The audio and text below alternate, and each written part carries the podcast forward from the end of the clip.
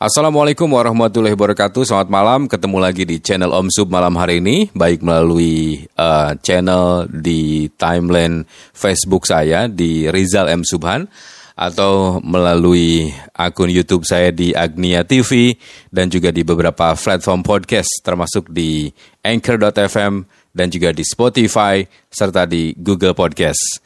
Malam hari ini ada yang menggelitik buat saya karena dua hari lalu ada yang viral yaitu soal ujian uh, eh, SD di Solo kalau nggak salah kelas 4 SD di sana yang kemudian menjadi viral.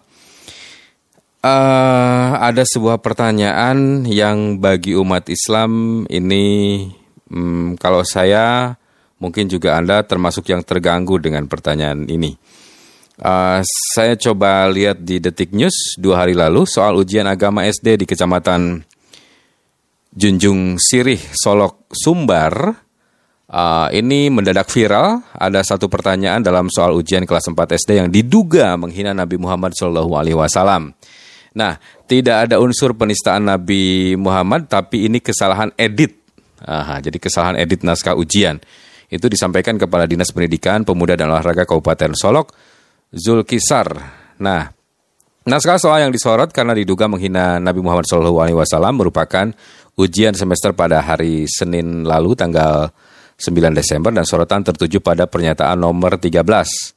Gambarnya saya tampilkan berikut ini. Oke, di situ ada gambar yang bisa kita lihat bersama. Pertanyaannya begini, di bawah ini yang merupakan sikap Nabi Muhammad Shallallahu Alaihi Wasallam yang tidak patut kita teladani adalah sampai situ dulu uh, saya tidak menyebutkan ABCD-nya atau mungkin kalian sudah lihat videonya, sudah lihat di video ini. Nah dari situ saja saya bisa menyimpulkan gitu sebagai orang awam bahwa berarti ada dong sifat Nabi Muhammad yang tidak tidak bisa menjadi teladan. Artinya ada sifat-sifat jelek Nabi Muhammad di situ. Padahal kita tahu bahwa kita sebagai umat umat Islam percaya sekali bahwa Nabi Muhammad adalah satu-satunya orang di muka bumi ini yang tanpa celah, tanpa e, dosa dan bahkan maksum sudah dijamin masuk surga. Maka kemudian kalau kalimat ini ditangkap oleh orang Islam, oleh umat Islam termasuk saya, maka saya akan menangkapnya di bawah ini yang merupakan sikap Nabi Muhammad SAW yang tidak patut kita teladani. Artinya ada satu dua uh, sifat dari Nabi Muhammad yang tidak patut diteladani. Uh, yang pertama adalah malas belajar, yang kedua atau B mengerjakan tugas sekolah, C menjaga nama baik guru dan sekolah, dan D menjaga nama baik orang tua. Oke, okay, um, artinya benar-benar tidak ada relevansinya kalau kalimatnya seperti ini di bawah ini yang merupakan sikap Nabi, artinya sikap nabinya yang yang tidak tidak patut dicontoh. Itu salahnya. Padahal pada naskah aslinya uh, naskah asli ujian menurut Zulkisar yaitu kalimatnya begini ya, naskah aslinya sebelum diedit. Selaku umat Nabi Muhammad Shallallahu alaihi wasallam patut meneladani sikapnya sebagai pelajar yang tidak patut kita contoh dari pernyataan di bawah ini adalah itu ya. Yang pertama A malas belajar, B mengerjakan tugas sekolah, C menjaga nama baik guru dan sekolah, D menjaga nama baik orang tua.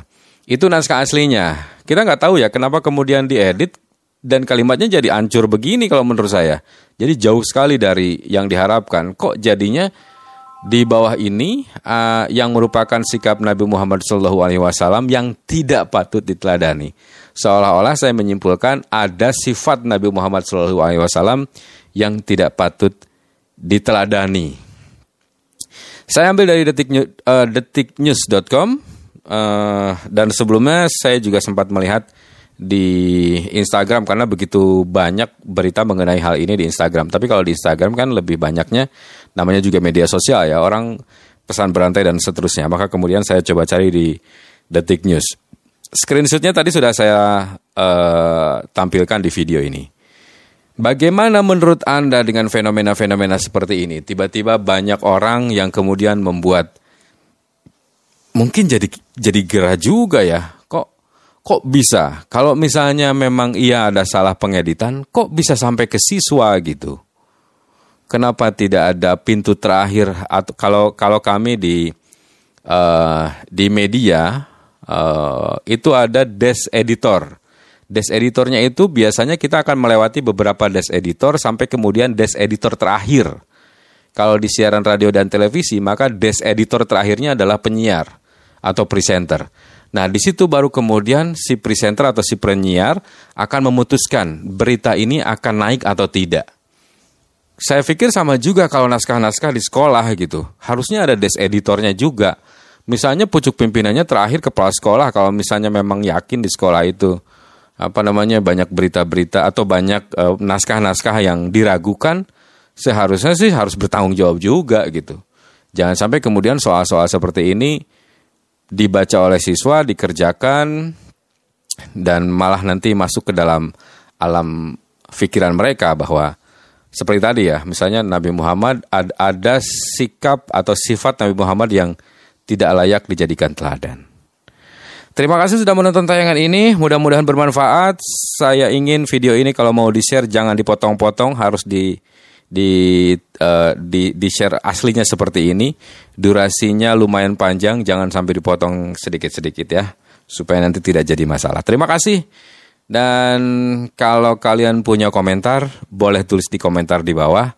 Kalau video ini bermanfaat, silahkan di like, di subscribe juga channelnya dan kalau bermanfaat juga silahkan di-share ke uh, timeline Anda masing-masing. Saya Muhammad Subhan, selamat malam, sampai jumpa. Assalamualaikum warahmatullahi wabarakatuh.